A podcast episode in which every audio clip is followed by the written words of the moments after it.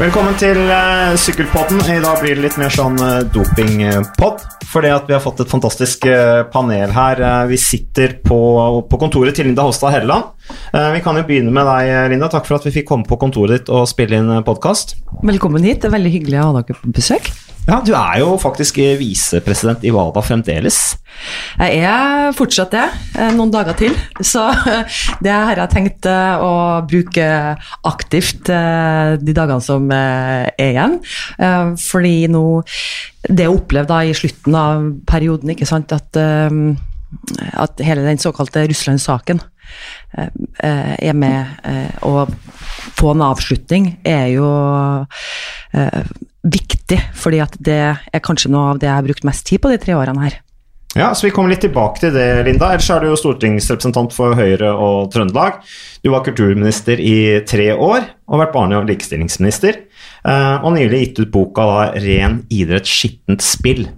Uh, og Det er jo flere som har skrevet bøker her om uh, doping. Uh, Mats Strange, det er hyggelig å få deg. veldig børste litt støv av Mats Strange igjen. Det er litt artig at du sitter her og skal prate litt om doping. Velkommen. Jo, takk. Jeg har jo da holdt meg i et sjølpålagt eksil i seks år når det gjaldt dopingspørsmål, men det er jo alltid hyggelig å stille opp for deg, så, så dette blir bra. Jo, takk for det, Mats. Du har jo fløyet hele veien fra Haugesund over fjorder og smale veier og trosset uværet, så det er bra at du har kommet deg hit i Oslo. Du er jo idrettsfysiolog og historiker også. Eh, du har ikke bare skrevet om doping, du har skrevet, du har skrevet tre bøker. Eh, 'Hatet som vant', 'Europa mellom to verdenskriger'.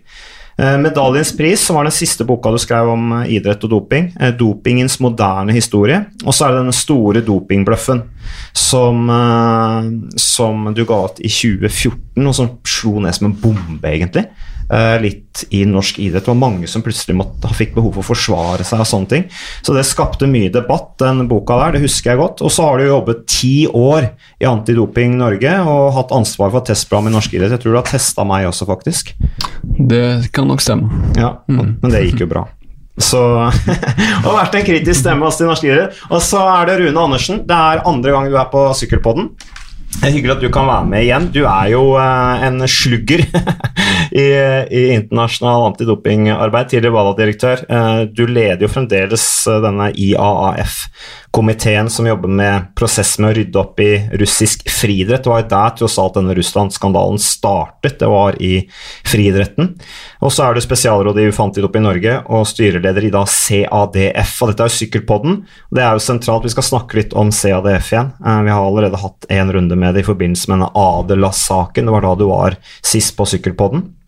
Eh, men vi kommer litt tilbake til det, dette uavhengige antidopingorganet til til internasjonal sykkelsport. Men nå har vi jo eh, nå har vi altså fått denne Det er tre dager siden WADA-styret annonserte at de ville da utestenge Russland uh, igjen. uh, og Russland utestenges da teorien, i teorien fra de største mesterskapene, som er OL og, og VM. Og hva syns vi om dommen? Kan du begynne med deg, Linda? Visepresident. Ja, altså Jeg må jo på den ene sida si at uh, jeg er jo fornøyd med at CRC, eh, den uavhengige granskingsutvalget, um, eller etiske utvalget til WADA, eh, under ledelse av Jonathan Taylor, at de, de foreslo en, en, en, utestengelse.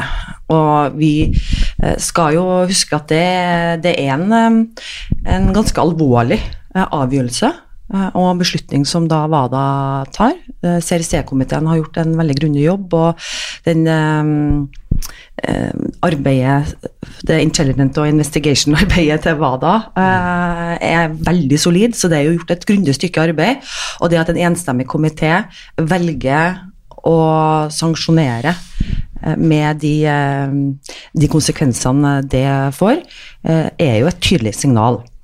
Så det, det, var jeg glad for at eh, vi, vi kom til. Men, men, likevel da, så må jeg si at jeg syns ikke at det er, var bra nok. Fordi beslutninga, selv om den da eh, tilsynelatende høres veldig alvorlig ut, så betyr det jo i realiteten at eh, hundrevis av eh, russiske utøvere som kan ha vært dopa, må, eller kan delta i OL i Tokyo om bare noen få måneder. Ja, det var derfor jeg sa 'i teorien'. Utestengelse. Ja. Uh, og hvorfor blir de utestengt denne gangen? For det er jo Nå utestenges de igjen.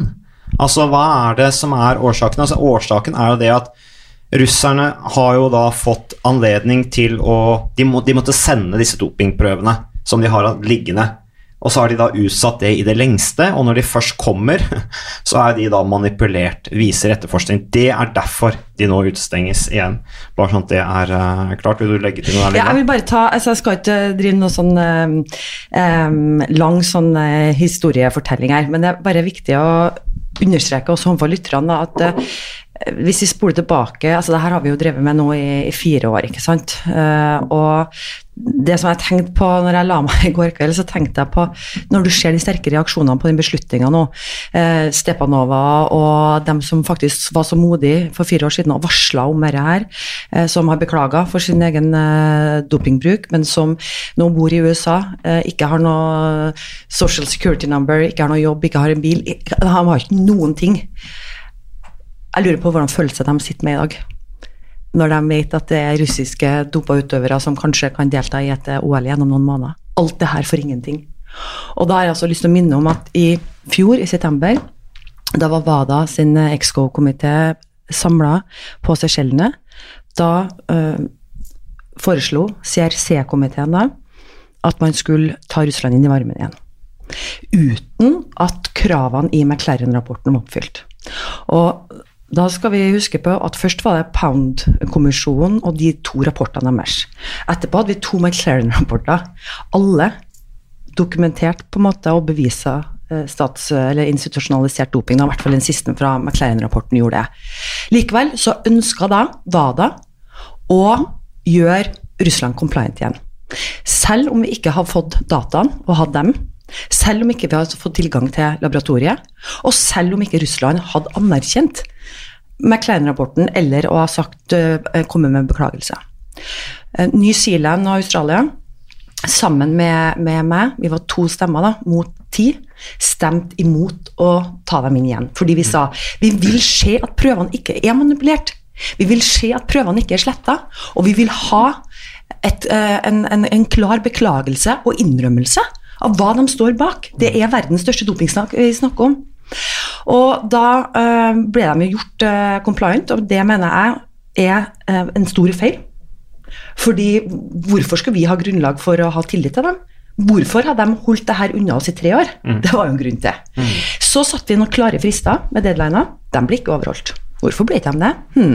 Mistenkelige greier. For det er bare å sende de prøvene, kan de ikke bare sende de? Nettopp, og i hvert fall når vi hører liksom rykter om at det var folk inne på laboratoriet der ikke sant, og fiksa og triksa, også etter at den, den datoen uh, ikke var overholdt. Og jeg husker faktisk den dagen jeg gikk av som statsråd, så hadde vi et telefonmøte uh, hvor vi skulle um, diskutere da i, i styret at uh, her var jo fristene ikke overholdt, og hva gjorde vi videre? Og da sa jeg at nå jeg vil bare ha protokollført at nå er det viktigste vi gjør, er å si at de her prøvene ikke er manipulert, og, og, få, og la det få konsekvenser. ikke sant? Fordi at eh, Hvorfor driver de og skyver på fristene? Så får vi nå eh, vite at eh, prøvene er sletta, prøvene er manipulert. Og du får bare en følelsen av at det landet har egentlig bare sittet og eh, lurt oss trill rundt og sitter og ler av oss, ikke sant. Eh, det er ikke noe respekt her. Det her er det Verdens antidopingbyrå som burde ha satt premissene, og burde fått alle våre aktører til å forholde seg til oss, men her føler vi på en måte bare at vi blir, eh, blir holdt for narr, rett og slett. Og det gir meg en veldig dårlig følelse, fordi jeg føler at den, den, den tilliten og den respekten som WADA burde hatt overfor alle nasjoner og alle aktører, ikke er til stede. Det er voldsomt spill, eh, Mats. Nå er jo du ute av det. Du var jo veldig, du var jo ganske aktiv i internasjonalt antidopingarbeidet du også, eh, en stund. Og så bare plutselig fikk du nok. Du fikk en sånn erkjennelse at dette, dette gidder du ikke mer. Det var litt sånn inntrykket jeg fikk da jeg hadde lest boka din, Store dopingbløffen. Hva tenker du som har stått nå på sidelinja noen år og betrakta dette her fra utsiden? Nei, så Jeg kjenner jo litt igjen Jeg leste boka di, Linda, i går og foregår, så, så ser jeg jo Jeg leser litt sånn berettiga harme eh, mellom linjene. Eh, og jeg ser, når jeg begynte å bla litt i min egen bok, som er seks år gammel, så ser jeg jo at når jeg liksom har fått på avstand, det er jo, det er jo en bok som er skrevet i, i affekt, på et vis. Eh, og jeg kjenner jo igjen kanskje den følelsen av ønske om å gå inn i, inn i, et arbeid, gjøre en forskjell og tenke liksom at her er vi stort sett uh, av samme oppfatning, og vi ønsker å få ting til og ønsker å bedre ting. Og så får du en gradvis erkjennelse av at det òg er sterke krefter som ønsker noe helt annet, uh, og som ønsker å bremse utvikling i enkelte tilfeller og reversere den. Uh, og så på en måte den oppgittheten og og tanken om at hvorfor i all verden skulle du gidde å bruke så mye tid og krefter på dette her når, når idretten sjøl i mange tilfeller ikke ønsker det. Um, så det var liksom, tror jeg var gjenkjennelig for meg når jeg leste, når jeg leste boken di. Uh, når det gjelder Russland, så er det jo og disse andre, Nå er jeg ikke, oppdatert på all politikken som har skjedd i årene i mellomtiden, men det som jeg tenker er et interessant tema, er jo det er klart at For de utøverne som skal konkurrere mot russiske utøvere, så er det jo uinteressant hva flagg de eh, seiler under, så lenge de eventuelt tar medalje foran de. Men det store bildet her er jo Russland vil jo være en idrettsnasjon vi er nødt til å forholde oss til i årene framover og for all framtid.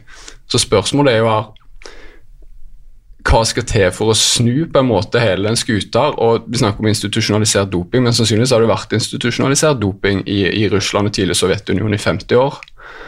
Og, og det med straffer og sånn, så er det klart at når det er blitt en såpass integrert del av hele måten man driver idrett på, og man driver toppidrett på, kanskje med et unntak av årene rett etter murens fall, så er jo det, det er en enorm holdningsendring som må til.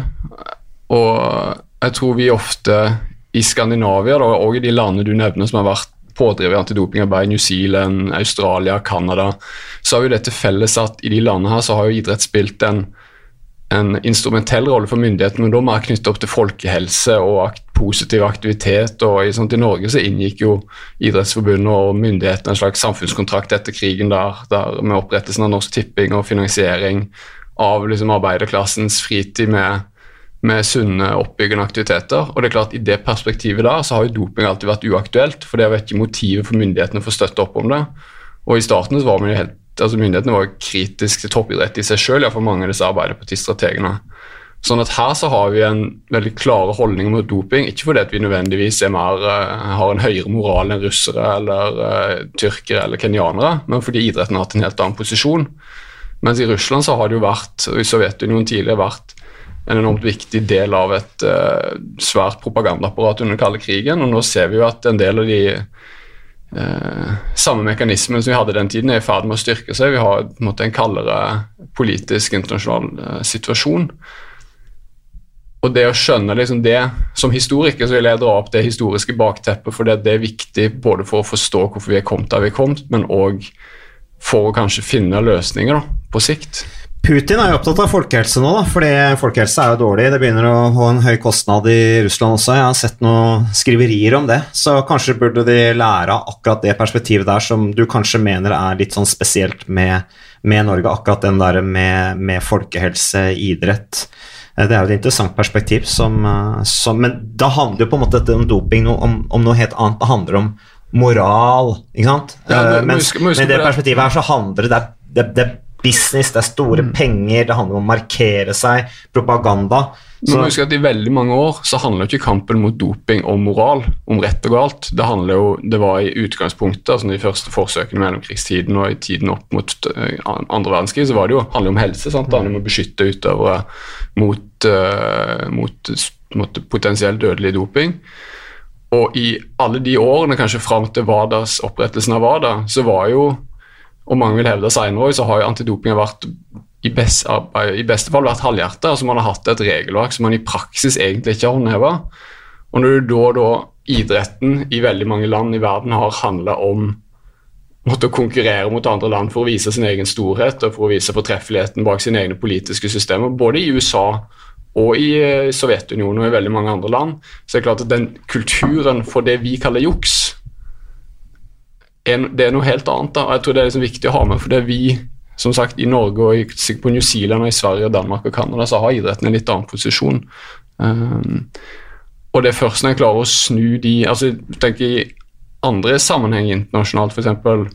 Uh, når det gjelder menneskerettigheter, så har man på en måte i hva grad det er globale ideer, kan man jo sikkert diskutere, men man har blitt enige om et slags felles verdigrunnlag som en skal det opererer under og, utvikle politikk under internasjonalt. Mens det har aldri på en måte vært etablert en sånn felles forankra idé om hva er doping, hvorfor er det galt, og hvorfor skal vi kjempe mot det. En sånn Forståelsen av hva det egentlig er, og et, måte, slags felles verdigrunnlag mangler jo, mener jeg, langt på vei når det gjelder doping i, internasjonalt. Men vi tenker gjerne i Norge at alle mener det samme som oss. Men, men det er jo fair play henger jo ganske høyt. Ja, men hvis du ser fair play i andre sammenhenger, så ser du at f.eks. hvis en uh, fotballspiller er skada, så i Russland eller i Kenya òg, så spiller jo motstanderen ballen utover sidelinja. Det handler om fair play. Det er ganske mange fair play-regler som ivaretas i land som har mye doping. Men, så Derfor mener jeg det handler langt på vei om at man ikke ser på doping som juks på samme måte. Altså man, det, regelverket Men Handler ikke det om en mangel på tillit til systemet, da? At det, det, det, er veldig mange som sier ja, men det er ikke juks fordi alle andre doper seg. Det er jo ganske kjent argument. Jo, og det er, da, det er det som skjer når du da har et regelverk som du i praksis ikke håndhever over så mange år. Hvis du ser på bloddopingsepidemien på 90-tallet der omfanget økte og økte og økte, og idretten klarte altså det de klarte, var jo på en måte å begrense det med å sette sånne startnettregler med, med hemoglobingrenser. Men det førte jo bare til at utøverne dopet seg opp akkurat opp til det nivået der de fikk lov å starte. Fartskontroll. Det var en slags fartskontroll, så det endrer jo ikke. Og fra utøverens perspektiv så ser det ok, det er greit å dope seg så lenge vi ikke doper oss mer enn at vi får hemoglobin på over 18. Og Da utvikles en kultur og en forståelse av at det er greit så lenge du ikke tipper over grensa. Og da har du ikke denne nulltoleransen for doping. Du får heller ikke forankre det om at det er galt å jukse, for da gjør jo alle andre det, og idretten aksepterer det. Uh, Rune, uh, det var snakk, uh, Mats nevnte dette med, med menneskerettigheter og, og, enkeltutøverne. Og når vi kommer inn på det med kollektiv straff, så har det blitt snakket om alle disse uskyldige som da ikke som ikke har dopet seg, da, som en del trekker fram, særlig russiske oligarker, er veldig opptatt av menneskerettigheter nå. akkurat nå. Ser. De sitter gjerne i styrene i ulike særforbund, også bl.a. Fekteforbundet. Eh, men hvordan, du, du som har jobba med russisk idrett såpass lenge, eh, med friidretten eh, og friidrett er jo en av de idrettene som faktisk er anerkjent for å følge opp den saken der ganske bra. De jobber relativt tett med det russiske friidrettsforbundet for å få på en måte russisk friidrett igjen på, på, beina, sånn at de kan delta uh, på, i russiske konkurran konkurranser. Uh, men hvordan, hvordan, garanterer man fordi at her er det snakk om, når, jeg, når vi snakker om dette med teorien at enkeltutøvere kan delta, og det så vi jo, det var ganske mange som deltok i, i, i Pyeongchang, OL der, mange russiske utøvere. Hvordan garanterer man for at utøvere er, er rene? Jeg ser jo at menneskerettigheter blir påberopt som et argument blant, um, blant, russere, men også blant andre som forsvarer russisk idrett, bl.a. Uh, internasjonal fektepresident. Uh, og det blir påberopt når det passer en. Ik ikke, når, uh, ikke, når, man snakker om andre forhold som egentlig burde vært kanskje snakket om i, i, det russiske samfunnet. Jeg har tenkt mye på hva veien videre er, og det er klart at den historien som Linda og Mats nå har, har skissert, er viktig å ta med seg. Og, og, kanskje de elementene som Mats tar opp, ikke har vært tatt nok med i betraktning når man har laget et regelverk. For regelverket er jo ganske enkelt, egentlig.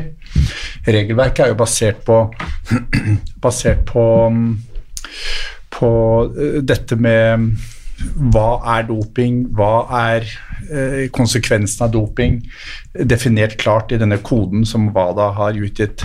Så, så det, er så, det, er ikke så, vanskelig, men basisen for dette og den mer filosofiske tilnærmingen til hvorfor man skal forby doping, og hva som er begrunnelsen for det, det, det er jo et viktig tema egentlig som jeg tror ikke har vært diskutert uh, nok.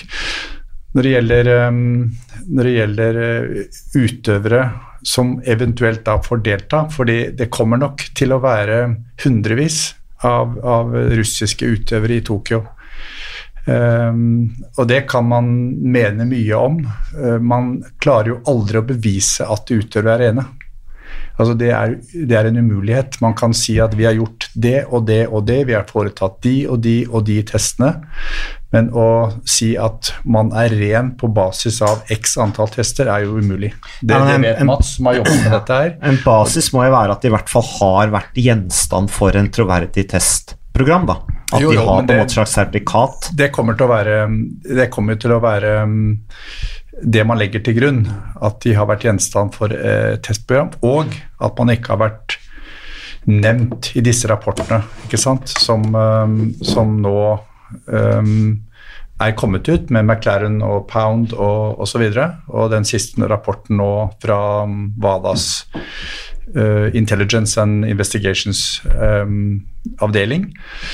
Eh, Men man kan aldri bevise noe. Altså det, man, eh, det er jo også utøvere man ikke kjenner til. Ikke? Det er 145 utøvere her som er slettet fra registrene. Og hvordan i all verden skal man vite at de ikke deltar i et Tokyo-OL eller i et VM i skiskyting eller hva det måtte være.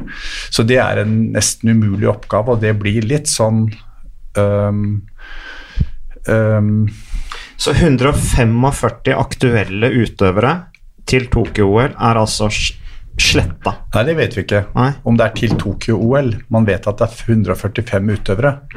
Eh, hvor mange av de som eventuelt eh, kommer til å delta i Tokyo, det vet vi ikke.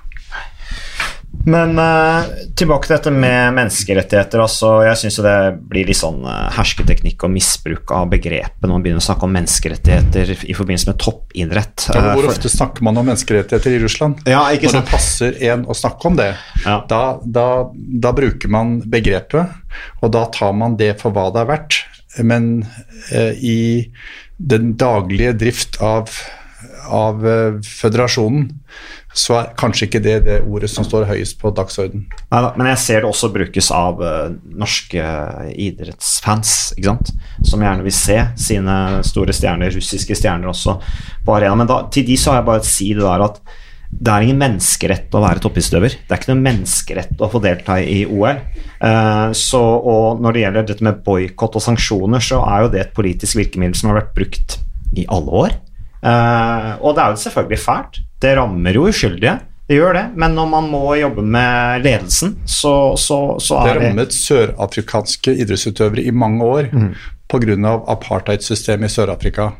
De utøverne som trente og som ville delta i internasjonal konkurranse, fikk ikke lov til det. De måtte på en måte betale for de syndene som regimet der øhm, øhm, var representant for. Øhm, og det kan man også si nå at kanskje det burde vært slik også i Russland, hvor uh, utøvere for at russerne skal se, russisk lederskap skal se alvor i dette, burde ha uh, kanskje iverksatt strengere tiltak. Men jeg, jeg syns det er snøen som falt på mandag den 9. Det er, det er viktig å se hva man liksom gjør nå fremover, fordi uh, den, den ballen er på en måte lagt død i og med at man gjort det vedtaket man gjorde på mandag den 9. desember. Så det, da har vi snakka litt om eh, altså Det er en kulturendring som sannsynligvis må på plass. altså I utgangspunktet idretten er laget for å ta en, altså Dopingarbeid er ut, laget for å ta enkeltutøvere. ikke? Det, er- det er utgangspunktet. Det var, det var helt greit. Man, I gamle dager tok man ca. 2% Det skriver du om i boka di, Mats. Uh, men så må man begynne å ta lederne. Så ble det en sånn bevissthet for at ja, vi må ta trenerne, lederne. og da har du jo, Hvis du jobber med Dr. Ferrari, f.eks., så blir du utestengt på bakgrunn av det. Sånn burde det jo være. Man må jo kartlegge alle disse trenerne, legene som er forbudt å jobbe med. Og da må man jo etterforske disse tingene der. Men så liksom når hele antidopingarbeidet, altså antidopinglaboratoriet, også jukser, hva har man igjen av krutt da, liksom? Og det er vel det som er saken her. Ja, og altså, men det er jo sjelden vi har sett en sånn sak da, hvor det går helt til topps, ikke sant, at det er en politisk ordre om å dope utøverne for at man skal framstå som en, eh, en eh, nasjon som lykkes sportslig, at det er med å, å gi eh, autoritet og, og makt, ikke sant, det å ha utøvere som står på toppen av pallen i alle mesterskap. Men det er to ting som er viktige i veien framover nå. Eh, Det ene er Du må snakke om kulturendring. Ja, kulturendring hos hvem? Jeg mener at det er en eh, Det er jo lederne. ja, men jeg mener at eh, det ene av det vi må gjøre, det er jo å få lederne innenfor sporten til å ønske å ha en ren idrett. Det er jo ikke noe vilje der. Jeg opplever nå etter tre år å samarbeide med IOC at de bevisst motarbeider innsatsen for en ren idrett. Man er mer opptatt av at, uh, å få penger inn i kassa. Og ha vellykka mesterskap. At sponsorene er happy. Å ha OL og VM hvor det er lykkelige utøvere, og det er fokus på alt det fantastiske som et mesterskap eh, bringer med seg, og, og, folks oppslutning ikke sant, og hallelujarop mot, eh, mot, mot eh, idretten som, som, eh, som, deltar, framfor å gå inn og, og ta et oppgjør da, i de vanskelige sakene og stille tydelige krav. For det er ubehagelig. Og husk på at her snakker vi om idrettsledere som har sittet i mange, mange år Altså De fleste som jeg har møtt, har vel nesten kunnet vært eh, bestefedrene mine. ikke sant? De har sittet der i 20-30-40 år. De har en fire-fem-seks hatter eh, på seg. sant? Dette er en, en kompisgjeng som er, har stor interesse av å beskytte hverandre, beskytte posisjoner, beskytte systemet. Og jeg føler at myndighetene er motarbeida. Jeg føler at eh, utøverne er motarbeida. Og det som har skjedd nå i WADA, er jo at dessverre så har IOC fått altfor mye makt. De styrer eh, WADA i altfor stor grad. Og jeg mener at det riktige svaret på dopingutfordringene våre, det er et sterkt og uavhengig WADA. Men i dag så er det dessverre ikke sånn. Fordi IOC har all annen interesse av å ta det sterke oppgjøret med doping. Det andre som er viktig, det er å ha myndigheter som er effektive i antidopingarbeidet. Og der opplever jeg at vi har eh, ikke vært på banen. Vi har ikke tatt eierskap som eh, myndigheter og nå snakker jeg for uh, ikke for Norge, altså, men for hele verden. Vi har jo heldigvis eh, vært en, vi er en stormakt i antidopingverdenen, takket være Norges, altså Antidoping Norge, med Rune og, og Anders Solheim i, i spissen, og den kompetansen vi har hatt med um, dere òg, som har bidratt ikke sant, til å gjort Norge til en sterk antidopingnasjon. Men det er ikke veldig stor entusiasme og interesse rundt omkring i eh, lands myndigheter for å sette doping på dagsorden. For å gjøre det man kan, både med ressurser, men også med lovverk, for å komme dopinga til livs. Vi ser nå i USA der har man nå eh, nettopp eh, passert en ny lov gjennom i, i, kongressen, nei, i, i, huset, som handler, altså Rodsjenko-acten, ja, som skal ta bakmennene for doping. For at vi må kalle det for det det er. Dette er kriminalitet. Det er økonomisk kriminalitet, det er organisert kriminalitet. Og i mange tilfeller så blir utøverne eh, pressa også til å dope seg. Da må vi ha et lovverk som gjør at man kan ta dem som står bak. Hva skjer nå med eh, det lovarbeidet i USA? Jo, de opplever at IOC motarbeider amerikanske myndigheter til å få på plass et effektivt lovverk. I mars så, så fremma jeg sammen med resten av regjeringspartiene her i Stortinget et forslag til en lov som skal gjøre at Norge får et mye mer effektivt eh, lovverk. F.eks. i dag så er det sånn at politiet kan sitte på, på hundrevis av saker hvor det er folk som eh, driver med doping i Norge. Det får de ikke lov til å utlevere til Antidoping Norge. Så, så Antidoping Norge får ikke mulighet til, til, å se på om de har utøvere i sine register som politiet har tatt for doping. Så jeg håper jo at vi får vedtatt eh, den nye loven her på Stortinget, sånn at um, politiet gis de verktøyene man trenger, Antidoping Norge får de mulighetene de trenger til å drive effektiv antidopingarbeid. Og den, eh, Det er en stund siden det var en høring her, hvor jeg var til stede, jeg også. Hvor i prosessen er dere nå i forhold til at det kan gå? For, for du sier Norge er en stormakt innen antidoping. altså det, og Måten vi kan være det på, er jo bare å gå foran som gode eksempler og bygge systemer som andre kan kopiere. hvor er vi nå i den prosessen med, med samarbeidet mellom politi og antidopingmyndigheter og kriminalisering av doping? Ja, Det forslaget skal behandles i justiskomiteen nå etter jul. Og det vi gjorde når vi skrev det forslaget, var jo å se til Tyskland og Østerrike. Og den saken som eh, vi husker alle fra VM i Seefeld, med gutten som satt der med nåla i armen, ikke sant? Som, som var veldig dramatisk å se for mange, men så, som dessverre det er sånn virkeligheten er. Den, eh, det lovverket er prøvd å skal være så nært som det tyske og østerrikske lovverket, som gjør at Norge blir veldig effektivt. Og jeg tror jo, og håper jo, at det blir et uh, flertall på Stortinget for den uh, loven, sånn at regjeringa kan gå i gang og utarbeide da, uh, forskrifter og et lovverk som gjør at Norge kan også gå foran og bidra til at andre land i verden kan utvikle et effektivt lovverk. For vi må ha myndigheter som som ikke bare sier at doping er viktig, og jeg er så lei av så jeg hører politikere i alle festtaler om at å, det er så viktig med en ren idrett og sånn. Gjør noe med det, da. Og nå har vi sett at det, egentlig så har vi et ineffektivt antidopingsystem internasjonalt. Vi ser at vi har en, en, internasjonal idrett som ikke er opptatt av å komme dopinga til livs, men har andre motiv, og da må vi agere sjøl. Da må vi diskutere også. Skal vi bare fortsette å å, å støtte opp med, med, økonomiske ressurser til et system som ikke fungerer. Ja. Det, du vil si noe, Mats, for nå har du sittet med mikrofonen klar lenge. Ja, nei, altså og jeg har jo vært en del av det måte, effektive antidopingarbeidet i Norge. Eh, og vært eh, Og som jeg sa i sted, det vil si at de landene som er ledende innenfor tradisjonelt har vært ledende innenfor antidopingarbeidet, de har jo det til felles at de har et relativt likt Iallfall mange av de har et relativt likt forhold til myndighetene og, og idretten sin posisjon i de landene. Og det, jeg tror altså Det å ha på plass straffer på plass systemer som effektive testsystem, det er jo klart det er en forutsetning, og det finnes ikke i dag. Det fantes ikke for seks år siden jeg sluttet heller, det var jo mye av det jeg skrev om.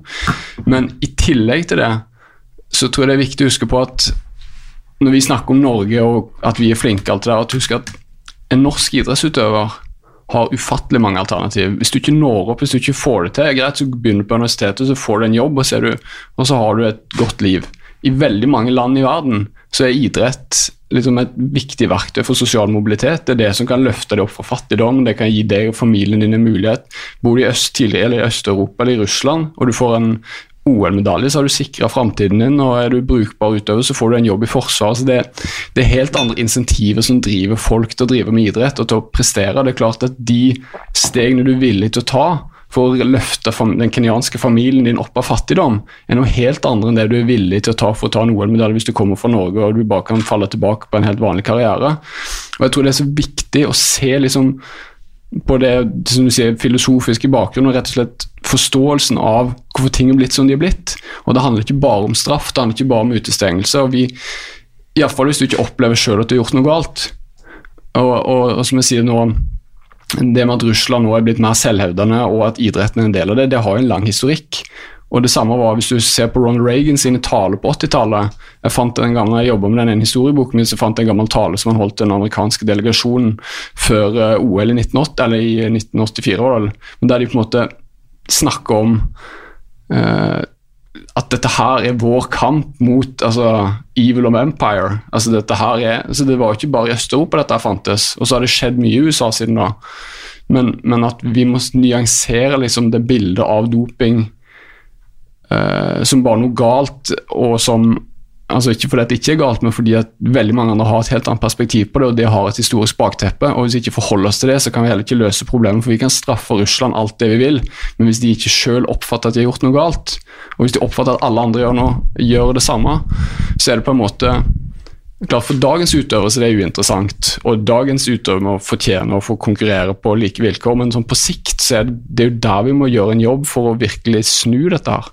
Men hvordan skal du klare å snu kulturen i Russland. Det har jeg faktisk tenkt ganske mye på. Og jeg har jobbet med Russland nå, friidrett i Russland, i fire år faktisk. I, nå i november. Eh, så var det fire år siden det startet. Uh, og vi har prøvd å endre kulturen i russisk friidrett. Vi trodde at vi var kommet uh, et godt stykke på vei i sommer. Og så var det totalt backlash i forhold til at hele det russiske friidrettsforbundet var involvert i en um, cover-up av en, en dopingsak. Fra president og nedover i systemene. Og da blir du litt sånn maktesløs, rett og slett. Hva, president, når du sier president, Rune, president i Friidrettsforbundet i Russland, eller president i Russland? Nei, presidenten i Friidrettsforbundet. Ja, ja. jeg, jeg, går ikke så langt opp som Nei. presidenten i den russiske føderasjonen. Jeg bare for å få det spesifisert. Men, men uh, hva gjør man da? Og spørsmålet er jo er det mulig? Fordi her er det ikke snakk om å endre bare russisk idrett. Det er snakk om hele samfunnsstruktur, og hvordan kan man påta seg det ansvaret å skulle endre noe som ligger så dypt, og som baserer seg på disse tingene man snakker om, på å bruke idretten som eh, en sånn spydspiss for et vellykket samfunn.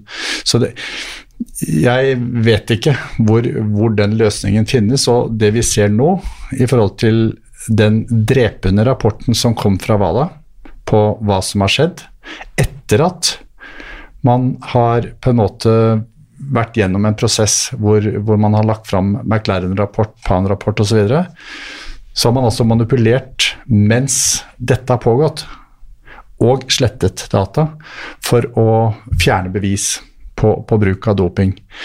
Så det er jo så til de grader, nærmest i ytterste konsekvens, en, en, som Linda sa, det er en latterliggjøring av systemet og en total ignoranse av hva som egentlig eh, har skjedd. Og hvordan kan man endre det? Eh, fordi man anerkjenner jo ikke fakta. Her er det en drepende rapport. Ingen har sagt at den rapporten stemmer. Putin gikk ut i går og sa at finnes, det fins gode grunner, eh, eller vi må vurdere gode grunner for å anke denne avgjørelsen, fordi åpenbart den beslutningen hva da tok man mandag 9.12., er feil. Så hvor det skal ende, det det har ikke jeg svar på, faktisk, etter å ha jobbet fire år. Vil du si noe, Lina? Ja, for jeg tror at det er vanskelig å endre kultur. Eh, en nasjons holdning til, til doping. og og, og, det å ha ambisjoner om at vi tror at, uh, i hvert fall på kort sikt, at uh, man skal endre holdning i Russland til det problemet her, det tror jeg vi, vi må bare um, glemme, for det er, det er for, uh, for, komplisert. Men det at uh, man har en sånn lettvint omgang også med doping, det er jo med å undergrave hele idrettens eksistens. Ikke sant? For hvorfor skal vi som myndigheter bruke milliarder på idrett hvert år, hvis ikke vi kan vite at de utøverne og det systemet er rent? Hvorfor skal vi ha unger med inn i det apparatet? Hvorfor skal ungene mine ha de største rollemodellene deres og idolene deres? Det er jo utøvere. Og hvis jeg vet at de er dopa, ønsker jo ikke at, at ungene mine skal ha de samme holdningene som, som dem. Sånn at det det her rører med noe så veldig grunnleggende, da. Eh, som er, som, som, som, for, for, at idrett betyr jo så mye for oss som samfunn og for enkeltindivid. At derfor så er det også doping et viktig spørsmål for politikere. Og så er det også kriminalitet. Jeg mener at vi har hatt en altfor sånn lettvint omgang med, eh, med, vårt forhold til doping. At det er bare noe som hører den enkelte utøver til et problem for sporten, eller at det er et helseproblem. Og jeg kan si det, for dere som, har, som kommer fra idretten og har jobba med doping lenge, dere, dere, eh, vet jo hvor viktig det er å bekjempe doping. Men jeg som kommer liksom litt utenfra og representerer også myndigheter, opplever at uh, det ikke er viktig nok. At uh, det bare, å ja, dere driver på litt med antidopingarbeid. Ja, det er jo fint. Det er jo fint at liksom, vi har noen som gjør det òg. Så vi er nødt til å løfte det som et stort samfunnsproblem.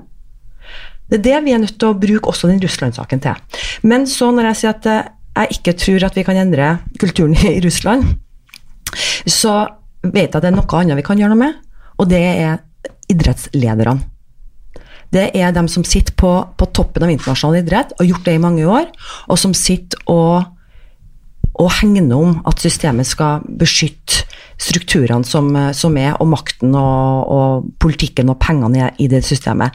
Vi må starte i Norge, gå sammen med de nordiske landene, gå sammen med Europa og stille krav til, til særforbundene. Og få skifta ut eh, ledere, få en ny generasjon inn som står for helt andre verdier og holdninger. Som går inn fordi at de ser her vi, Skal vi bevare idretten, så er vi nødt til å ha en kulturendring, et kulturskifte. At man ikke går inn i internasjonal idrett pga. posisjoner og penger, men fordi at man har tro på idretten og hva det kan gjøre for, for, for, for samfunnet samfunnet vårt. Og Der må vi starte. og jeg mener Det fremste eksempelet som vi i Norge nå nettopp har mulighet til å gjøre noe med, er jo når vi skal få VM på ski i Trondheim i 2025. Og Kaspar, som vi alle kjenner som er president i FIS, mm. og begynner også å stille litt krav til han. Hva skal han og hva skal FIS gjøre for å endre er han president enda da, i 2025? For oss, jeg håper jo ikke det, men vi vet jo aldri med denne Kasper. For nå har han jo sittet snart i 30 år, så 35 år, det er vel ikke noe Men, eh, men uh, apropos uh, Nå vet jeg at du hadde lyst til å si noe. Mats, vil du si noe? Jeg skal ikke være så lang, men Nei. når vi snakker om holdningsendring i Russland, så snakker ikke jeg nødvendigvis om å endre hele det russiske samfunnet. Det er klart det er jo eh, umulig oppgave, men, men det mener jeg at en del av den holdningen som er der, den har jo òg sitt utspring i måten antidopingarbeidet er blitt drevet internasjonalt de siste 70 årene. Altså, de har jo sittet der og sett at IOC og særforbundene ikke håndhever sitt eget regelverk. De ser at de bryter reglene, det får ingen konsekvenser. og det er klart at Da antar jo de at alle andre gjør det samme. Sånn at Det å endre holdningen i Russland handler ikke om å endre For jeg velger jo da å tro at russere generelt har ikke noe dårligere kalibrert moralsk kompass enn nordmenn. Jeg tror ikke at kenyanere er mer, har lettere for å jukse enn det nordmenn har. Så det det må være noen andre strukturelle forklaringer, og en av de er jo det at IOC for eksempel, har måtte, sett gjennom fingrene på dopingmisbruk i så mange år. Grunnen til at ikke vi doper oss i Norge på samme måte, eller i Sverige eller i New Zealand, er jo, har jo ingenting med antidopingarbeid å gjøre. Det har jo mest av alt med hele den grunnleggende verdisettet som ligger til grunn for idretten. Ja, samtidig, ja, samtidig som Mats, da. Samtidig som eh, Jeg vet at russerne En måte de forsvarer sin egen doping på, det er å rett og slett sant, hacke systemer, hente ut disse her eh, medisinske fritakene, hvor de bl.a. fant på Bradley Wiggins, syklisten fra Storbritannia, Simon Biles, uh, turneren fra USA osv. Så, videre. så ja, de er like ille. De tar medisinske fritak, kan dope seg da med vilje. Eh, og så sier de ja, men se på Terjose Johaug. Hun dopa seg. Se på, på eh, Astma-Norge. ikke sant? Men, men forskjellen er jo Therese Johaug ble jo tatt av sitt eget antidopingbyrå. Det er jo en stor Og forskjell. og det vet vi, men poenget mitt er ikke nødvendigvis de sakene, men poenget er historikken. her. Hvis du har et regelverk som du i praksis ikke håndhever over tid, så utvikles en kultur. og Derfor er jeg helt enig med deg at nøkkelen her, og det som er lettest å gjøre noe med, er jo internasjonal idrett. og Det var jo også, det var jo et av hovedpoengene mine for seks år siden jeg skrev boken. min, for Jeg begynte jo etter hvert å bli helt åpenbart at mye av de tingene, endringene ønsket å få til, hvor var det liksom bremseklossen satt den? Det satt jo IOC. Det var jo IOC sine representanter i WADA, det var IOC som organisasjon som pga. historikk og økonomi og alt ikke har hatt, og ikke minst struktur. Og jeg leser jo i boka di, jeg syns det er fryktelig interessant å se altså Det tydeligste jeg trekker ut fra boka di, er jo møtet med en person med kjennskap og sitt verdisett i norsk forvaltning, som møter et internasjonalt idrettspolitikk der det ikke føres referat, og der man ikke har strukturer for møter og åpne eh, ja, møtereferater eller agenda eller noe som helst. Og det er jo på en måte der det er jo der må begynne. Det er klart En kan ikke endre eh, hver ene russiske trener på hele den russiske landsby sin holdninger til doping. En må jo begynne med å se på hva konsekvenser har, har uh, håndhevelse av regelverket hatt, og det, det er jo et av grunnene. Og, og som sagt, vi har vært heldige i en del land som har hatt myndigheter som har vært relativt forutseende i måten de har drevet og finansiert idrett på, men, men i de landene som ikke har hatt det, så er jo konsekvensene ganske utstrakt dopingbruk. Og det er jo ikke bare sånn til Russland, det er jo òg i ganske mange andre land. Bare, bare én ting i forhold til det vi snakker om, og det høres jo veldig svart ut. Um, pessimismen råder her. men, men altså, det, jo da, men altså det, det er veldig viktig å, å se lys i tunnelen, og husk på at den uh, russiske sagaen hadde aldri, aldri vært der hvis ikke hva det hadde vært et organ som var etablert i altså 1999. Det, det må vi minne på, og at WADA kan og bør spille en rolle, men det er mye og en stor jobb igjen å gjøre for å øh, lage WADA slik vi som demokratiske nasjoner ønsker at det skal være, og organisasjoner ønsker at det skal være, nemlig eh, uavhengig og uavhengig av idretten. Fordi det ser vi nå at det er eh, et problem at IOC og andre har for stor innflytelse i, eh, i WADA-systemet. Og da går det på vanlige demokratiske prinsipper som åpenhet, på, på likeverd, mange, mange ting som gjør at det ikke fungerer slik det burde fungert. Men allikevel vi har kommet et langt langt stykke på vei ved etableringen av WADA. Og, og, og det er altså begrunnelsen og bakgrunnen for at uh, man hadde Russland-saken i, i, i det hele tatt. Ja, så WADA er i ferd med å miste makt, miste kontroll. Hva skulle du si nå, nå, Lina? Ja, altså nå eh, Det er ikke bare pessimisme, nå, Rune. fordi at eh, jeg sier jo at får vi effektive myndigheter på banen, eh, og får vi også gjort noe med idrettslederne, så da er mye gjort. Og så må vi også huske på det, Rune, at vi som har drevet nå og masa i tre år og vært ja, vært veldig konsekvent i hvert eneste møte, i alle innlegg, i alle spørsmål som eh, vi har reist mot uh, WADA-ledelsen, så, så, tror jeg at mye av det som har skjedd nå, ikke har skjedd. Hvis ikke vi har vært så ut altså Jeg vet ikke hva vi skal kalle oss, men jeg tenker at eh, Craig Reedy og generalsekretæren Nigli er veldig glad når de feirer jul i år for at de er kvitt eh, meg og Rune og flere av oss i møtene. Fordi vi, når vi kom inn, så bestemte vi oss for at her kunne man ikke um, være balansert. Man var nødt til å velge én strategi og være konsekvent. i å si at Vi, vi premisser ikke, vi på good governance-prinsipper. Altså det med hemmelige møter, det å holde tilbake informasjon, det å ikke få innsyn i korrespondanse mellom eh, WADAs ledelse og Russland når vi skal behandle verdens viktigste sak. Vi måtte hele tida, og tror du vi ble lei av å drive og, og etterspørre og, og, være på en måte liksom de her eh, terrierne ikke sant, som kom inn i styret. Og, men vi hadde jo ikke annen mulighet. Vi hadde jo kunnet sitte liksom, og, og, og pusa litt i nakken på Craig Reedy, men altså, det var ikke en option i hele tatt. Det var ikke, vi, vi kunne ikke velge den veien der. De var jeg, sikkert kjempeskuffa over deg, Linda.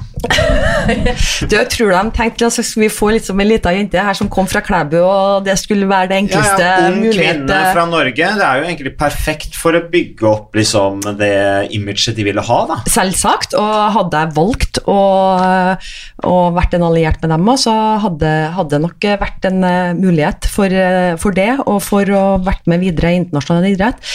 Men vi var med for å si fra, for å varsle om hvordan ting skjer på innsida, og for å bidra til endring. Og det, selv om, for å være litt personlig, så har det vært, har det vært eh, en stor belastning.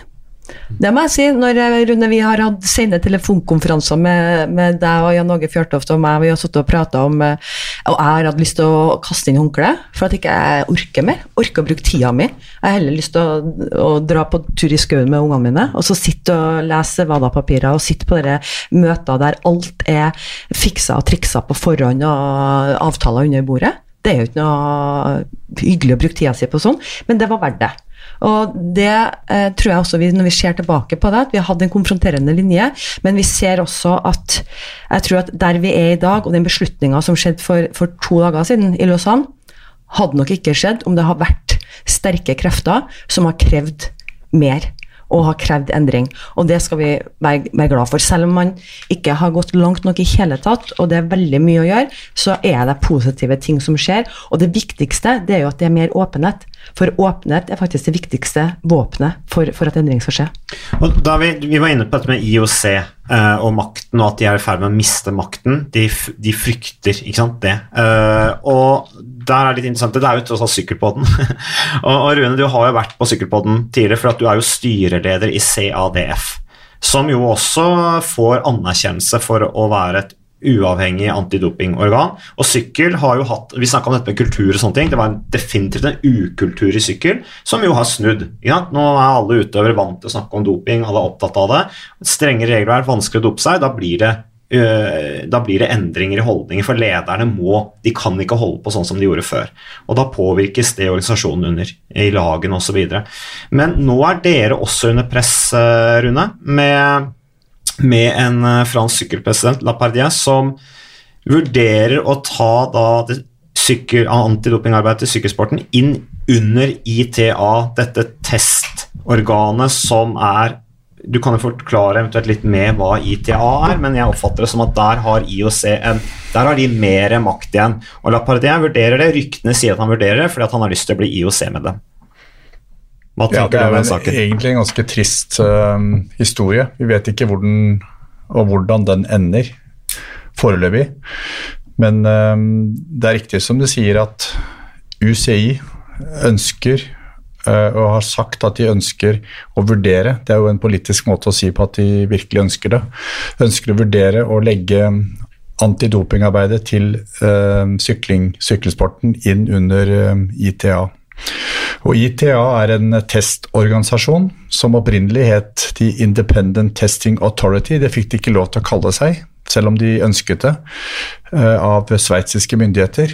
Og det heter nå The International Testing Agency, så det er en vanlig testorganisasjon som er etablert av IOC. De har kommet med startkapital, og det er de som har flertall i styret. Eh, president Bach, IOC-president Bach sa sist nå i Polen under verdenskongressen til WADA at alle internasjonale særforbund burde bruke ITA. Eh, også de store, ikke bare de små. Uh, og det har naturligvis da den, den franske sykkelpresidenten merket seg. Og han vil da legge dette under ITA. Husk at sykkelsporten har hatt et stort problem. Sykkelsporten var basis for etableringen av WADA med, med skandalen i 1998. Um, og nå har man da bygget tillit gjennom et uavhengig testorgan som heter CADF. Eh, og det setter man da eventuelt en strek over fordi man vil eh, inn i et system som er etablert av eh, IOC. Det syns vi er betenkelig, og det har jeg reagert på. Hvilket nå betyr at jeg er i krig med den internasjonale sykkelpresidenten. Hva tenker du om det, Mats? Nei, jeg synes at Hva bør Rune gjøre nå? Det tror jeg Rune vet uh, best sjøl, men, uh, men, men, det er interessant at vi har den samme kampen med IOC om igjen og om igjen. om igjen. Og jeg syns fortsatt altså Når jeg slutta i, i Antidop i Norge og på en måte meldte meg helt ut av, av idretten på alle måter, etter egentlig da å måtte drevet med idrett, studert idrett, jobba med idrett i mange år, så var det jo fordi jeg følte ikke jeg kjente meg igjen i den idrettsbevegelsen som jeg egentlig hadde vokst opp i. Og Det handler jo også om, det handler om doping, men det handler også om et norsk idrettsforbund med en ledelse med en vanvittig servilitet overfor IOC og internasjonale idrettsorganisasjoner. Uh, om det er blitt bedre nå, det, det, er jeg usikker på, men i alle fall på den tiden da, med den ledelsen som var da, så uh, så var det utvilsomt en del av bildet som gjorde at jeg tenkte at dette her, dette her er ikke min bevegelse lenger. Dette her er ikke, dette her er ikke den idretten jeg kjenner. Um, og jeg tror at Norge og norske idrettsledere bør være like tydelige som det Linda er overfor IOC. Fordi IOC sitter jo med nøkkelen til å gjøre noe med alle de tingene vi har pratet om i dag. Og, og på nettopp sånn som vi snakker om her, så er det snakk om altså én person med individuelle ambisjoner innenfor idrettspolitikken som er i ferd med å kaste om på hele måten kanskje det mest vellykka antidopingprosjektet i moderne tid, utenom kanskje med unntak av USA. da. Vi snakker om hva som går bedre. Sykkel, amerikansk antidopingarbeid, er jo eksempler på at du kan snu en kultur. Men så viser det hvor lett du da kan switche tilbake igjen. Hvis man ikke da er våken, og hvis man, da, hvis man lar IOC forstyrre for mye. Så, så det er iallfall et viktig poeng, syns jeg. Og, og CADF, uh, Cycling Anti-Doping Foundation, er altså uh, finansiert av syklister av de profesjonelle lagene og av de som organiserer de store eventene som, eh, som Tour de France uh, osv. Så, videre. så det er et spleiselag, og, og naturligvis UCI selv. Så det er et spleiselag mellom alle og vi sitter i såkalt funding committee-møter og, og, og, legger opp strategier for hvordan arbeidet skal drives. Ikke hvem vi skal teste, hvordan vi skal teste, for det er utelukkende vår, uh, vår rolle. Men det er en, et, et, et um, fellesskap i hvordan det bygges opp. Det kommer til å bli revet ned umiddelbart hvis dette går over til ITA. Da er det fullstendig borte. Vi vet at du skal snart uh, gå, Linda. Uh, og vi har hatt et uh, Ja, nå har vi snart holdt på en time. Kunne sikkert holdt på mer òg. jeg har flere punkter jeg skulle gjerne snakka med dere om, men sånn er det. Det blir veldig spennende å fortsette den kampen videre med CADF. Vi ønsker at det skal fortsette å eksistere. og IOC til å endre seg, gjøre antidopingkampen enda mer uavhengig. Mer WADA, mindre IOC, som du også sier, Linda. Så da Hvis ikke dere har noe mer å si, så Bare det at myndighetene, som Linda sier, må på banen. Mm. Vi har sett i 1998, etter eh, skandalen i sykling, at det var myndighetene som gjorde en jobb. Vi har sett det i Lance Armstrong, det er myndighetene som gjør en jobb. Vi ser det nå at USA går foran i denne såkalte Rotsjenko-vekten. Så myndighetene, og kanskje sponsorer, bør spille en rolle i hvordan dette skal drives. For idretten selv internasjonal idrett tar ikke det ansvaret selv, med mindre de blir presset til å ta det. Så det er vi nødt til å få på banen. Hvis ikke så vinner vi faktisk ikke kampen. Nei, da forsvinner idretten. Så det blir eh, siste ord, kloke ord fra Rune Andersen. Takk for eh, oppmøtet og takk for podkasten, Mads Strange, Rune Andersen og Linde Holstad Helleland.